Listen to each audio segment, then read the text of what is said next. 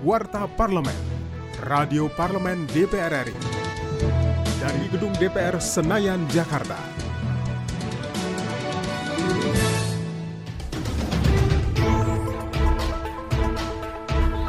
Untuk meningkatkan pertumbuhan perekonomian setempat, anggota Komisi 6 DPR RI, Daeng Muhammad mengatakan Komisi 6 mendesak pemerintah melaksanakan pembangunan jalan tol Probolinggo Situbondo Banyuwangi atau Probowangi secara profesional dan sesuai perencanaan. Berharap pemerintah harus mendukung BUMN infrastruktur.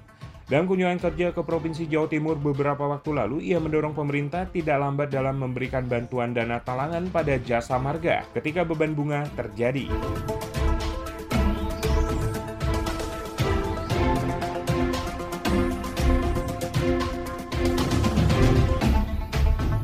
DPR RI mengapresiasi progres pembangunan tol Serang Penimbang di Provinsi Banten yang diharapkan dapat meningkatkan perekonomian Provinsi Banten. Hal tersebut disampaikan oleh Wakil Ketua Komisi 5 DPR RI Andi Wandarmawan Aras dalam kunjungan spesifik ke Provinsi Banten. Ia menyampaikan salah satu kendala pembangunan tol Serang Penimbang adalah pembebasan lahan.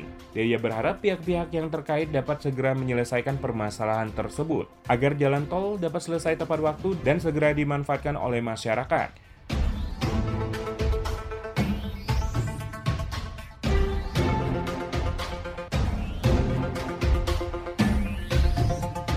Usai rapat dengan sejumlah asosiasi perusahaan sawit dan kelompok petani sawit di Komplek Parlemen Senen, Jakarta, anggota Komisi 4 DPR RI Sulaiman El Hamza menilai data yang disampaikan Asosiasi Pengusaha Sawit tidak valid karena data dari Kementerian Pertanian bukan merupakan data terbaru. Ia juga meminta Asosiasi Pengusaha membantu kelompok tani dalam memasarkan produk sawit serta bersama pemerintah melakukan sosialisasi pada petani sawit terkait hak-hak mereka untuk peremajaan dan pengelolaan perkebunan sawit.